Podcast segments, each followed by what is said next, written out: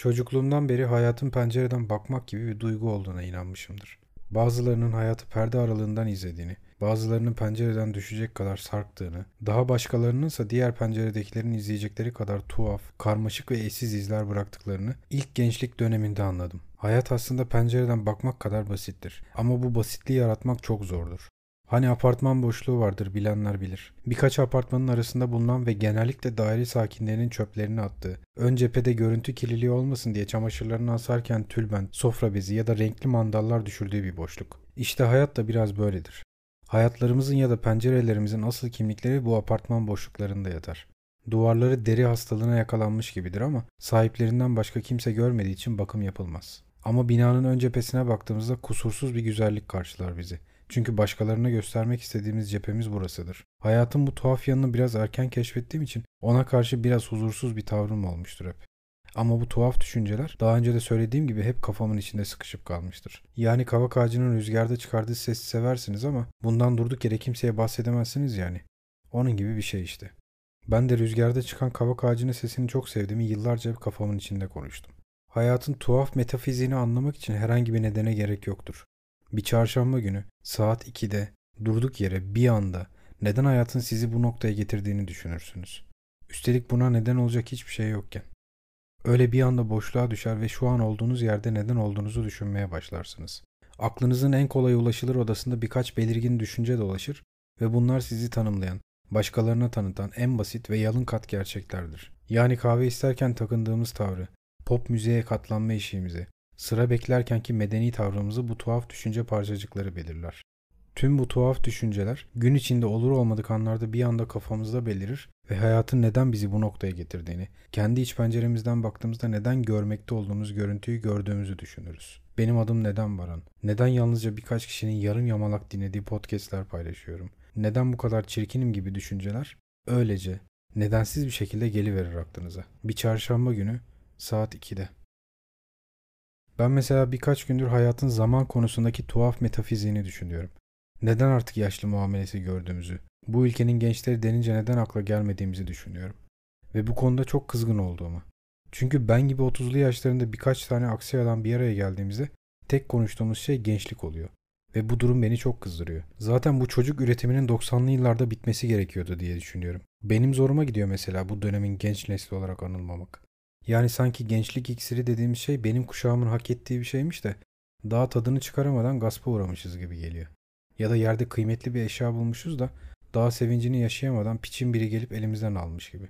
Oğlum gerçekten çok zoruma gidiyor bu durum. Ben hayatın ağır çekim absürt bir komedi olduğunu falan zannediyordum 17 yaşındayken. Ama altından çok derin bir dram çıktı bu boktan şeyin.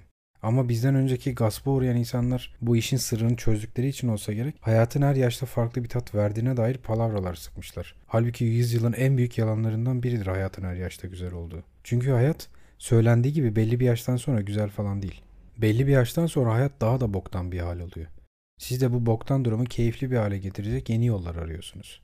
Hayatın en güzel dönemi ilk 30 yılıdır. Ondan sonrası zaten gençlerin size yaşlı muamelesi yapmasıyla geçiyor. İşte benim zoruma giden bölüm de burada başlıyor. Çok değil bundan 3-5 sene öncesine kadar genç kitle denen listeye adını yazdırabilirken bir anda 30'larında bir adama dönüşmek insana korkutucu ve tahammülsüz geliyor.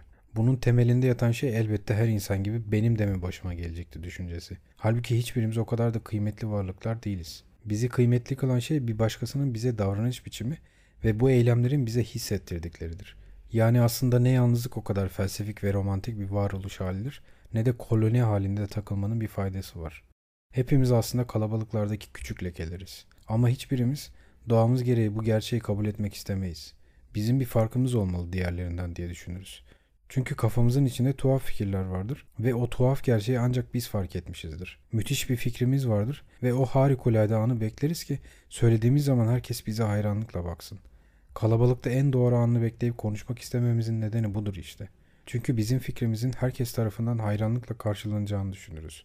O yüzden en uygun ve en sessiz anı bekleriz ben de buradayım diyebilmek için. Halbuki zamanı biraz geri sardığımızda şimdinin hiçbir kıymetinin olmadığını anlarız. Düşünsenize bundan 130 yıl evvel Fransa'da terzilik yapan ve o sırada kafasında daha yani bir fikri olan kadının aklından geçenlerin şu an hiçbir kıymeti yok. Ya da bu topraklarda padişahlık yapmış, neredeyse tüm dünya ülkelerinde hakimiyet kurmuş bir sultanın şu an için hükümdarlığının bir kıymeti var mı? Her şey, tüm yaşananlar, tüm fikirlerimiz, yaşadığımız tüm boktan anlar kendimizi kıymetli hissedelim de bu hayatı yaşanır kılabilelim diye beynimizin bize oynadığı küçük yalanlar bir türüdür. Eğer herkes gibi olduğumuzun bilincine varırsak yediğimiz sucuklu tostun tadını da alamayız, seviştiğimiz insanların da. O yüzden her insan hayata biraz tuhaf pencerelerden bakmak zorunda hisseder kendini. Hayatta kalabilmek değilse de yola devam edebilmek için kabul görmüş deneyimlere başvururuz bu yüzden. Mesela acı çekmenin erdemli bir şey olduğunu düşünürüz. Eğlenen, gündelik şeylere kederlenmeyen birini gördüğümüzde hayatın tuhaf ve anlaşılmaz yanını kavrayamadığına inanırız. Ya da aşk acısı çeken birinin ölene dek bu acıya sadık kalmasını isteriz içten içe.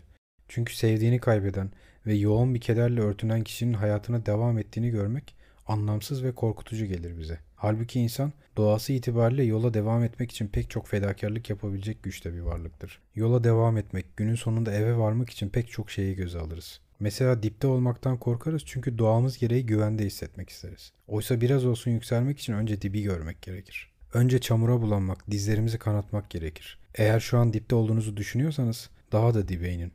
Hayatınızın şu an olduğunuz katmanından daha da aşağı bir bölüm muhakkak vardır. Siz de o katmanı keşfetmelisiniz. Çamura bulanmak düşündüğünüz kadar korkutucu değildir çünkü.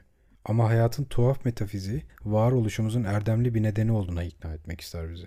Çünkü bu hayata gelmişsek ve iç dünyamızda tuhaf ve benzersiz düşünceler olduğunu biliyorsak herkesin şakasına güldüğü o geri zekalıdan bir farkımız olmalı diye düşünürüz. Kafamız değilse de hayatın kendisi ya da bahsini ettiğim tuhaf ve karmaşık metafiziği bizi buna ikna etmek ister. Çünkü kendimizi ne kadar sıra dışı hissedersek o kıza açılabilir. O kazağın bize daha çok yakışacağını düşünür. Ve o kalabalık ortamda o eşsiz fikrimizi söyleyebiliriz. Ama tüm bunlar yine bizim kafamızda olup biter. Ve günün sonunda evimize döndüğümüzde, yatağımıza girdiğimizde neden orada o cevabı vermediğimizi düşünürüz. İşte hayatın metafiziğini tuhaf kılan da bu boktan durumdur. Biz kendimizi ne kadar farklı ve özel hissedersek hissedelim, hayat kendi karmaşık kimyasına göre bize tuhaf yalanlar atmaya devam eder. Ve günün sonunda hala bakmakta olduğumuz pencereden daha başka pencereleri izlemeye devam ederiz.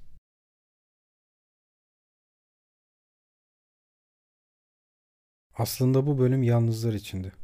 Hamburgerini tek başına yiyenler için. Gözü bitmekte olan içeceğini işaret edecek bir garson arayan endişeli ve kederli ruhlar için. Onlara da yer ayırdım elbet.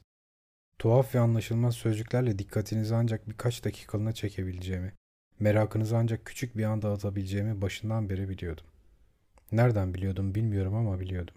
Yine de şu soluk ekran üzerinde şekillenen birkaç basit sözcük gözlerinizin kederle uzaklara dalmasına engel olmayacak.